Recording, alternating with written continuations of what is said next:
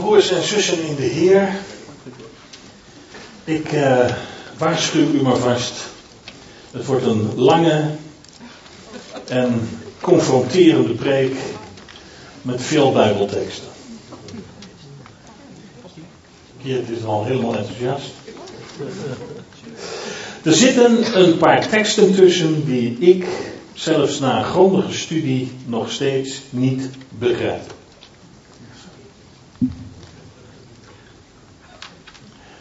Uh, Kees zei vroeger wel eens tegen me: uh, Ik vind het zo fijn dat de Heer Jezus, als die preekt, dat het altijd zo makkelijk te begrijpen is. Ik had daar een beetje mijn twijfels bij.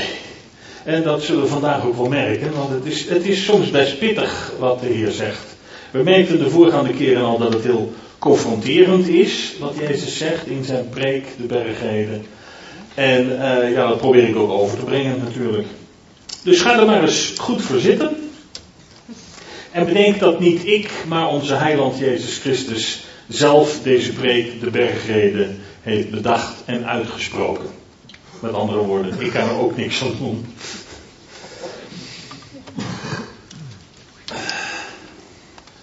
Ik moet u eigenlijk even iets bekennen. Ik liep gisteren op de pan. De pan, dat is een, uh, een, uh, een en uh, daar hangen allemaal schilderijen en daar staan mooie beelden en allemaal spulletjes die ik leuk vind. En ik zag een schilderij en ik vroeg aan meneer wat dat schilderij kostte om te kopen en dat bleek 3,5 ton te zijn. Ja, ik heb een hele dure smaak, merk ik. En uh, uiteindelijk koop ik wat bij mijn vriendin Mieke Zilverberg. Die van Tussen Kunst en Kitsch kent u haar misschien wel. En um, ik zeg tegen haar: uh, Mieke, nou moet jij eens raden waar ik morgen over ga preken. Ze zegt: Nou, ik zeg over. Ja, dat je geen schatten moet vergaderen op aarde maar in de hemel. Toen uh, riep ze iets wat uit uh, gewoonte of bijgelovigheid de naam van Jezus aan. Ik zeg ja, inderdaad. Ja, die zei dat. um, maar het zet mij wel een beetje voor een dilemma vanmorgen. Want kijk, aan de ene kant uh, is het practice what you preach. Dus horen jullie van mij te kunnen verwachten dat ik ook goed daarin ben. Aan de andere kant, ik ben ook maar een mens. Dus ja, er zit een. Dus dat brengt op een of andere manier, maar dat, dat is eigenlijk, dat geldt eigenlijk voor elk onderwerp. Uh, uh, maar vergeet u dat maar gauw. Dat is misschien handigst. het eerste Engelse boek dat ik zelfstandig las was Treasure Island van Robert Louis Stevenson. Jullie kennen het misschien als Schateiland. Ik zie wat mensen knikken. En als ik het woord schat dan hoor, dan denk ik aan zo'n typische schatkist. U weet wel met zo'n mooi gebogen deksel. En als je dat deksel dan open doet, dan blinkt er allemaal goud en edelstenen, munten, kettingen, een kroon of twee. Een of andere vage piraat, wiens naam meestal bestaat uit een kleur en dan baard heeft die schat begraven op een paradijselijk onbewoond eiland. En de held van het verhaal gaat er dan naar op zoek. Het grappige is dat 9 van de 10 keer in dit soort verhalen de kist leeg blijkt te zijn. En de moraal van het verhaal is dan vaak uh, dat zeg maar aardse rijkdom een vluchtig iets is en je andere uh, rijkdommen moet verzamelen, zoals liefde of vriendschap of meer van dat soort dingen. Liefde is belangrijker dan geld of goed, is dan de moraal van het verhaal. Hou dat even in gedachten als ik de eerste drie stukjes uit ons tekstgedeelte van vandaag voorlees. Zoek maar even op, Matthäus 6, vanaf vers 19. Ik noem u uit het eerste boek van het Nieuwe Testament, het Evangelie, naar de beschrijving van Matthäus, het zesde hoofdstuk, te beginnen bij vers 19 en we lezen door tot en met 21.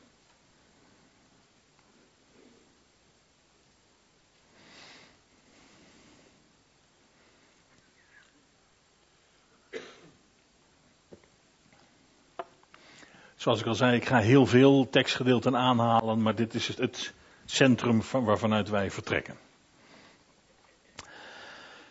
Uh, Matthäus 6 vanaf vers 19. Verzamelt u geen schatten op aarde waar mot en roest ze ontoonbaar maakt en waar dieven inbreken en stelen. Maar verzamelt u schatten in de hemel, waar nog mot nog roest ze ontoonbaar maakt en waar geen dieven inbreken of stelen. Want waar uw schat is, daar zal ook uw hart zijn. Lijkt me redelijk duidelijk. In die tijd waren het vaak mooie kleren. Denk maar aan dat gewaad dat Jezus droeg en waar ze om gingen dobbelen, de soldaten. En, en wapens, een zwaard van een man was echt een, een statussymbool. En dat waren onder andere natuurlijk aardse schatten. Als je dat bedenkt, is de opmerking over mot en roest ook heel duidelijk. Uh, een mot beschadigt kleding en roest metaal, dus dan uh, heb je het helder, denk ik. Nou, een schat is voor iedereen weer wat anders tegenwoordig. Vaak een auto, of een mooi huis, mooie sieraden, mooi horloge. Hans, wij houden van mooie horloges, hè? Ja. Uh, ik vind deze teksten eigenlijk makkelijk te begrijpen en makkelijk toe te passen. Laat ik dat Jezus zelf eens laten doen met de woorden eh, van hem in Lucas 12, vers 33 en 34. Daar zegt hij namelijk bijna hetzelfde. Hij begint met: Verkoopt uw bezittingen om aalmoezen te geven. Maakt u beurzen die niet oud worden, een schat die nooit opraakt in de hemelen, waar geen dief bij komt en geen mot ze schaadt. Want waar uw schat is, daar zal ook uw hart zijn. Nou, eitje toch? Gewoon alles verkopen wat je hebt en aan de armen geven. Ik heb nog een mooie verzameling in de aanbieding. Tegen het hoogste bod.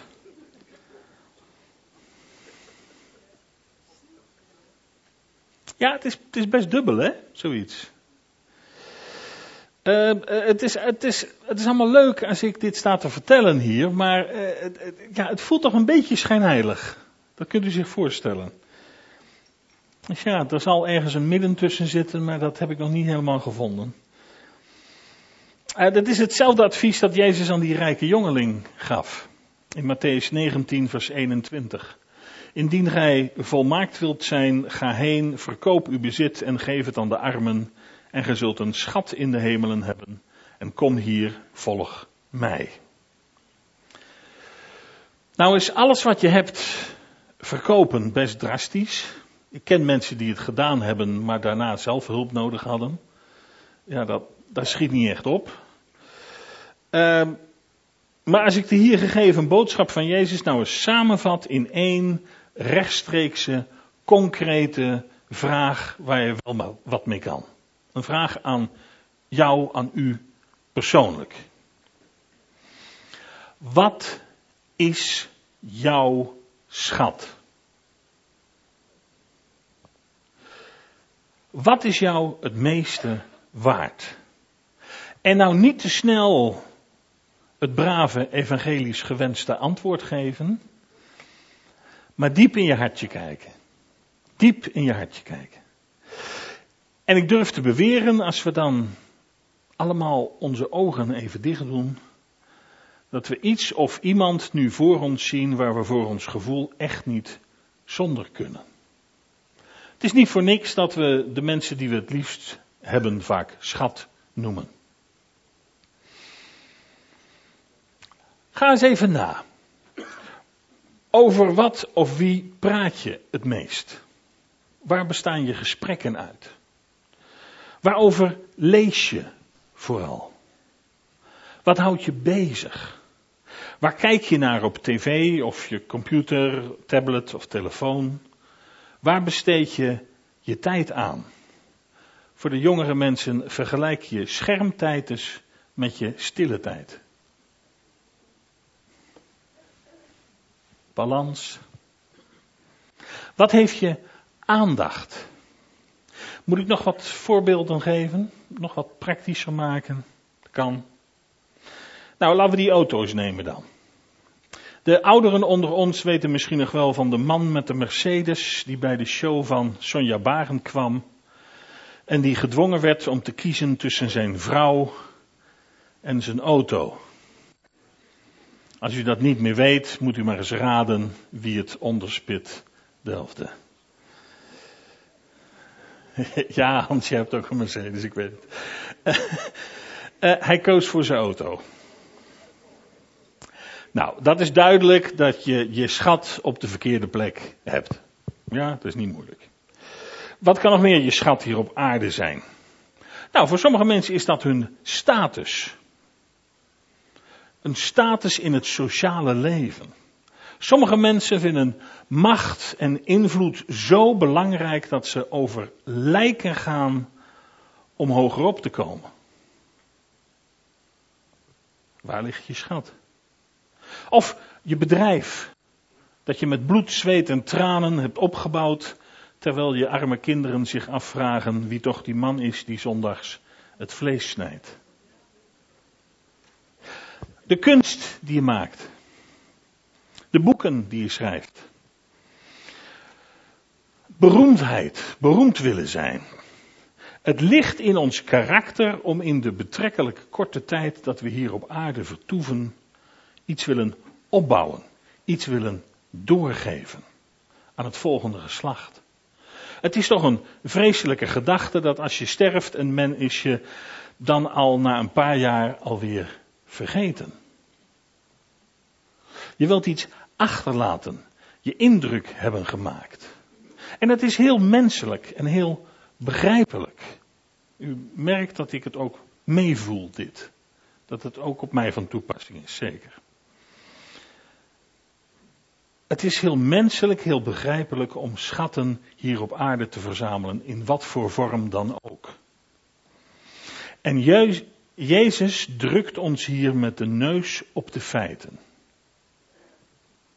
Het is allemaal gebakken lucht. Het is vergankelijk. Jij bent vergankelijk. Wat maakt het allemaal uit voor de eeuwigheid?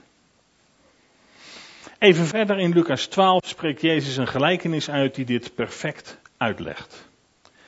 Uh, Lucas 12 vanaf vers 16.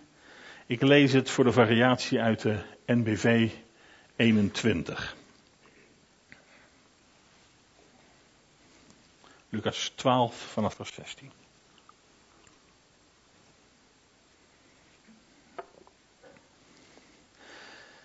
En hij, dat is Jezus, vertelde hun de volgende gelijkenis. Het landgoed van een rijke man had veel opgebracht. En daarom vroeg hij zich af, wat moet ik doen?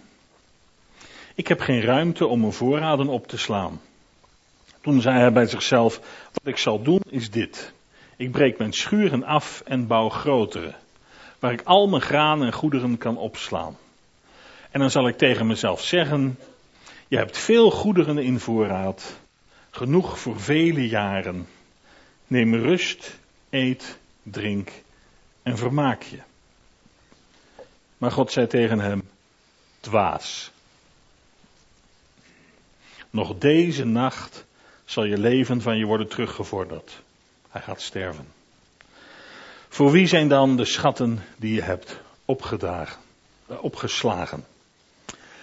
Zo vergaat het iemand die schatten verzamelt voor zichzelf, maar niet rijk is bij God.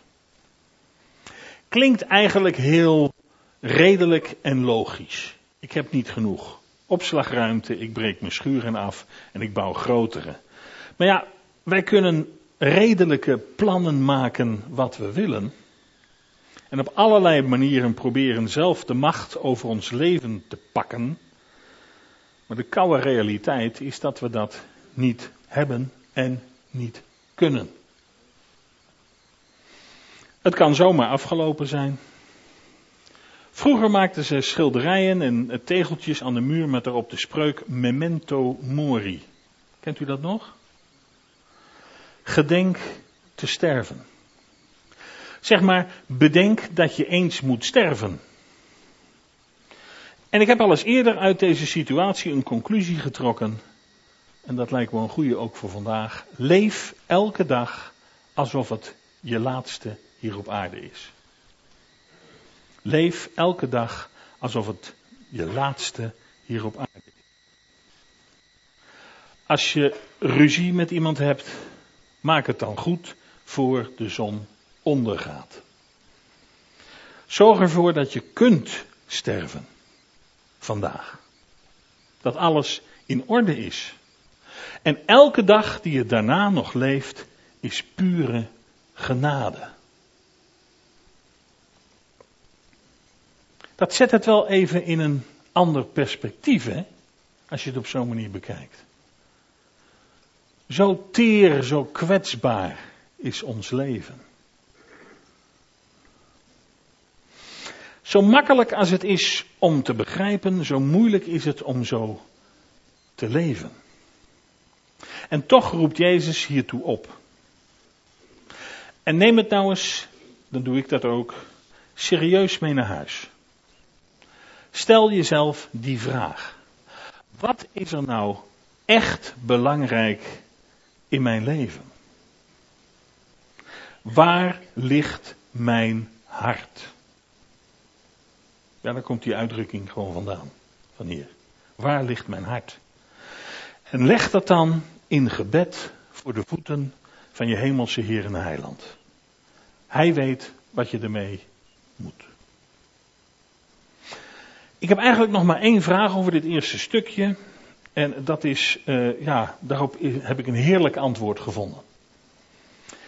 De vraag is, uh, ja, waaruit die schat op aarde bestaat, dat kunnen jullie en ik nu zelf wel invullen, denk ik.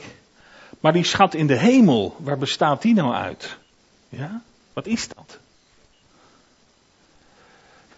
En Hendriksen, met CK, dat is een oude uh, reformatorische theoloog. Die gaf in een Engels boek een mooi antwoord.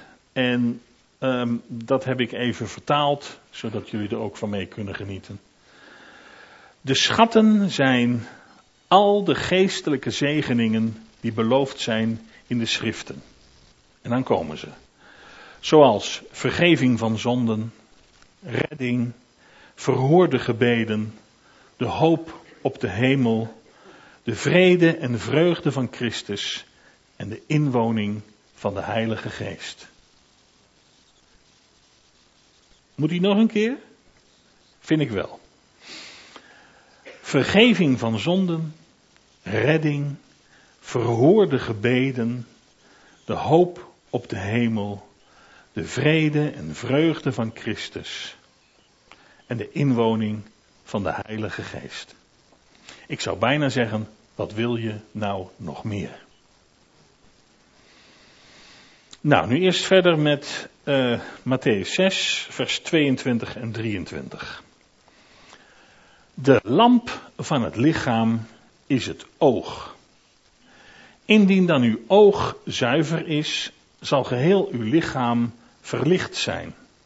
Maar indien uw oog slecht is, in sommige vertalingen is dat troebel is, zal geheel uw lichaam duister zijn.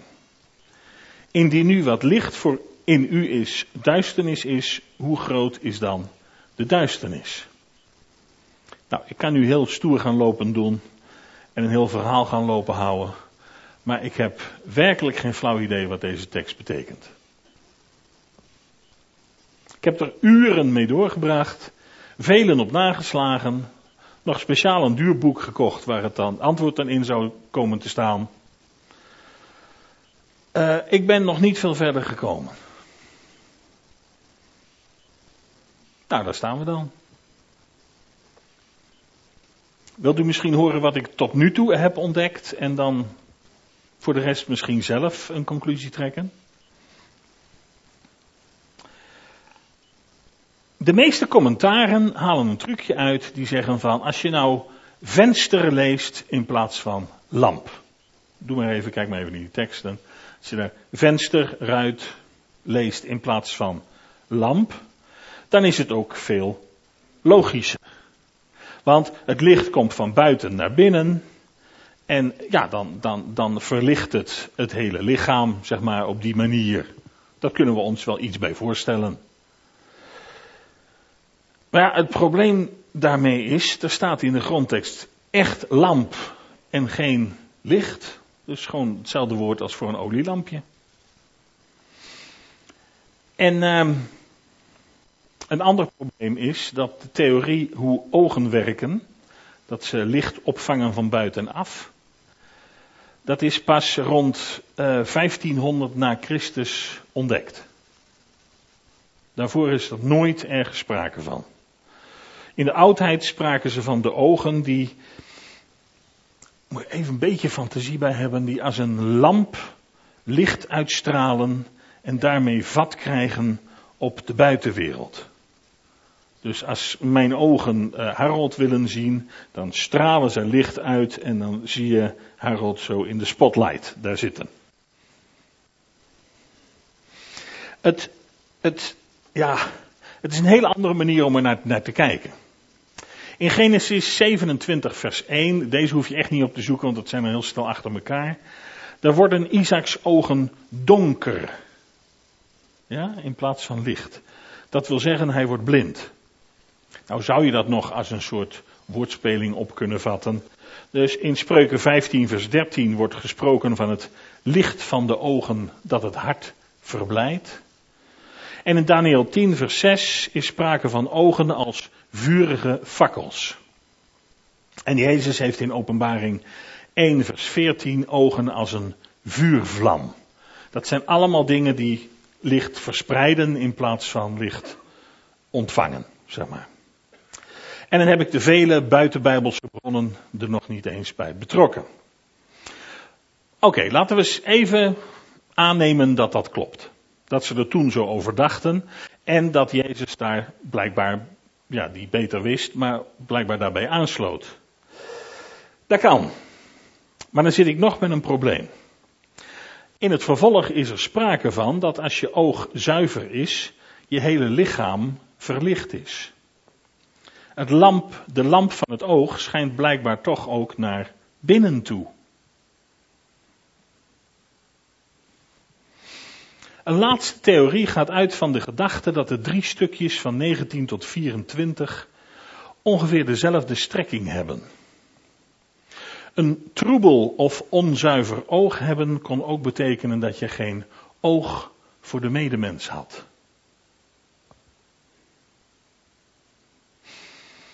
Dat je gierig bent, daar komt het op neer. Geen aalmoezen geeft, niks aan een ander geeft. Alles lekker voor jezelf houdt. En met een helder oog wordt dan gul zijn aangeduid. Dan kijk je wel naar de ander om.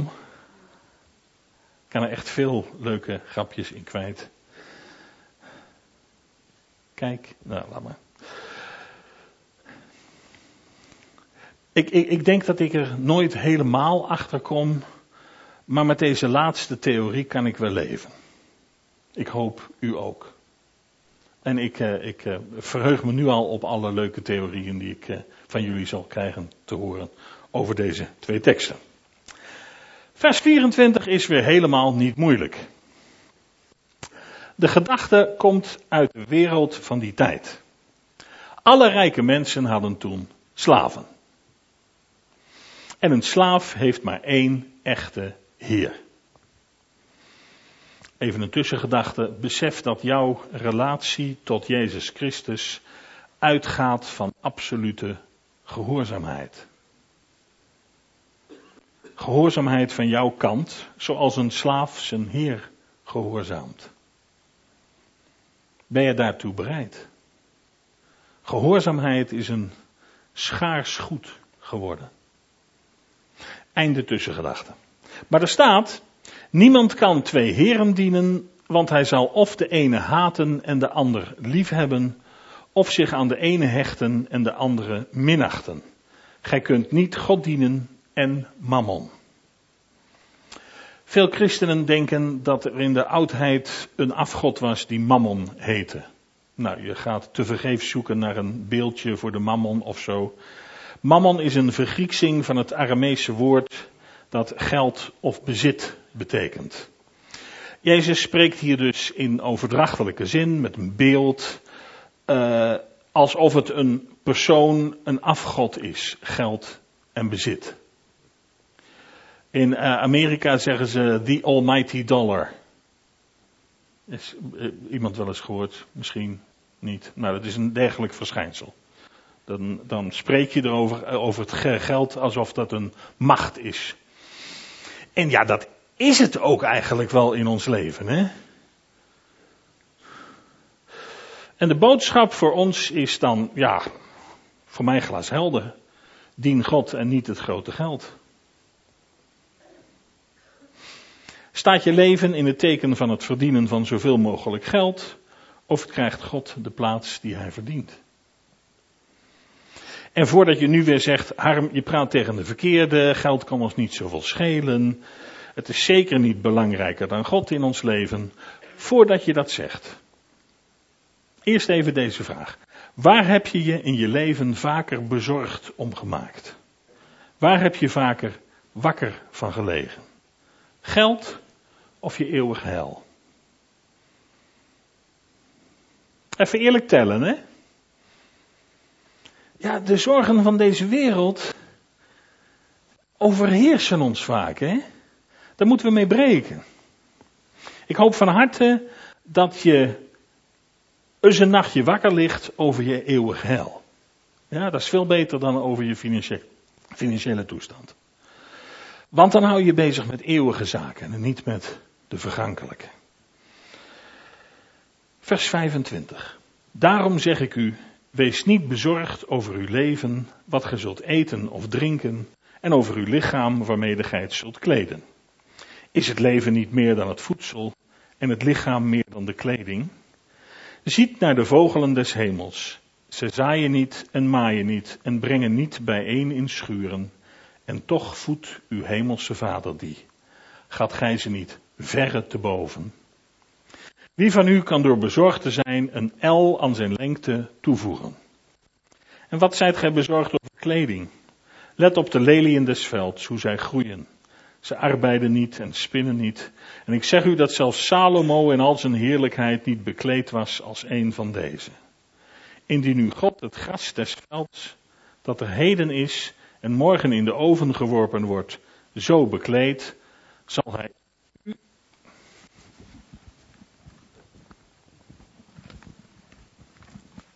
Zal hij u, gooi u net uit aan de andere zijde, zal hij u niet veel meer kleden, gelovigen? Maakt u dan niet bezorgd, zeggende, wat zullen wij eten? Of wat zullen wij drinken? Of waarmee zullen wij ons kleden?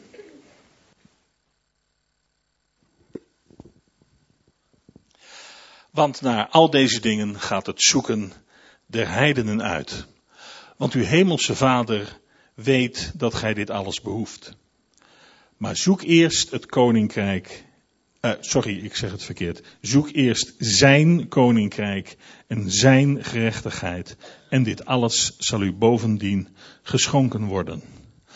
Maakt u dan niet bezorgd tegen de dag van morgen, want de dag van morgen zal zijn eigen zorgen hebben. Elke dag heeft genoeg aan zijn eigen kwaad. Als ik die laatste paar zinnen hoor, dan wordt het een beetje warm van binnen, want dat zei mijn moeder ook altijd als we ons zorgen maakten. Maak u niet bezorgd voor de dag van morgen. Ja. Kijk, het Griekse woord dat hier voor zorg of zorgen of bezorgd staat, is telkens hetzelfde woord. Dat kan je op twee manieren vertalen. In de positieve zin en in de negatieve zin. Het is natuurlijk hartstikke goed om zorg voor anderen te dragen. Ja? Eh, voor iemand te zorgen.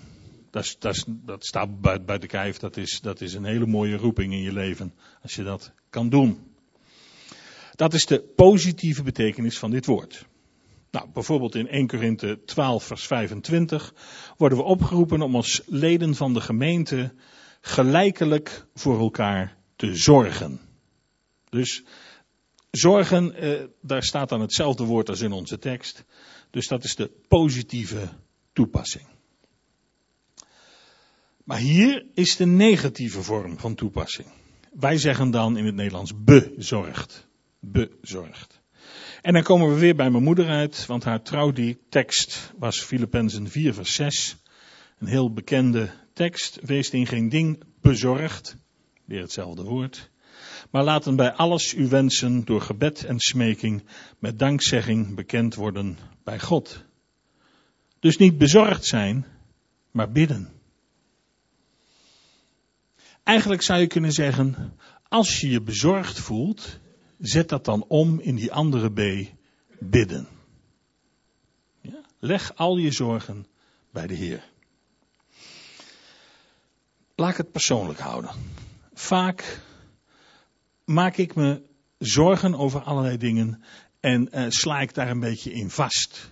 Dan denk ik, ja, komt nooit meer goed. En ik ben echt een beetje een zenuwpees wat dat betreft. Stel je voor dat, of wat nou als.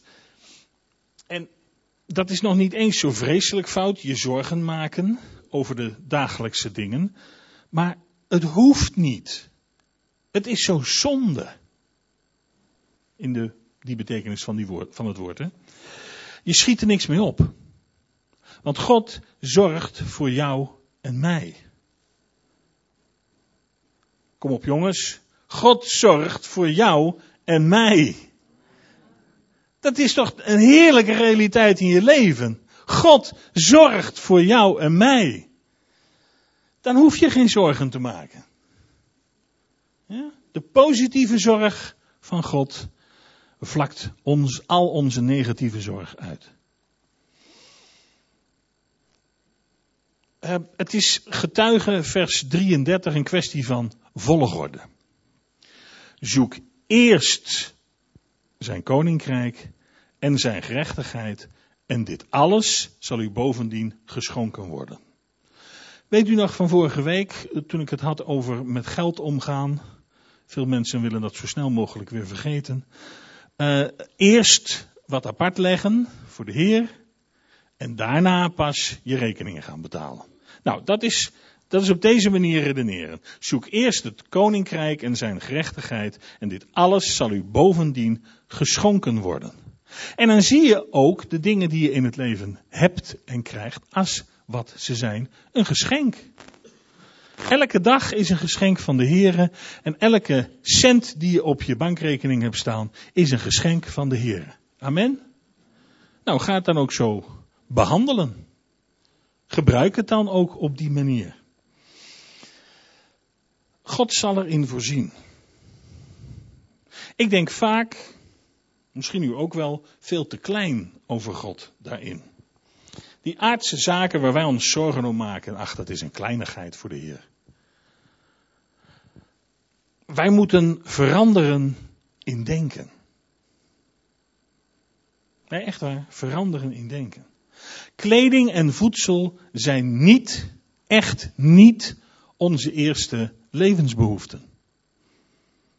Dat klinkt voor ons heel gek, want dat is het eerste wat we roepen als we zeggen, wat zijn, nou ja, als ik aan jullie vraag, wat zijn onze eerste levensbehoeften, dan zeggen jullie voedsel en, uh, en kleding. Als jullie slim zijn wel.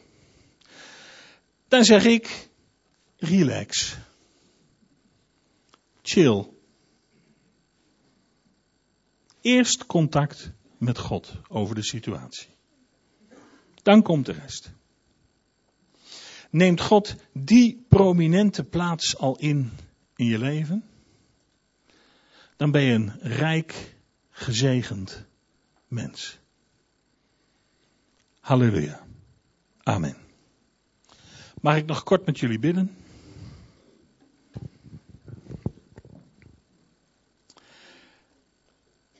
Heer in de hemel, Almachtige Vader God. Help ons blind op u te vertrouwen. Neem onze zorgen weg en geef ons er geloof voor terug. Help ons elke dag te leven alsof het onze laatste dag hier op aarde is. Geef ons de moed en de kracht om door te gaan, geborgen in u en gehoorzaam aan u. Laat ons leven met u en als de dag komt, sterven in u. In Jezus' machtige naam. Amen.